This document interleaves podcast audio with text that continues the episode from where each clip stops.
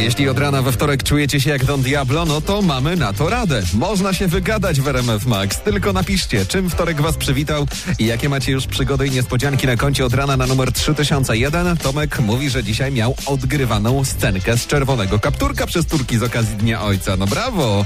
Z kolei ze mną jest Mateusz. Mati, opowiadaj, co się wydarzyło.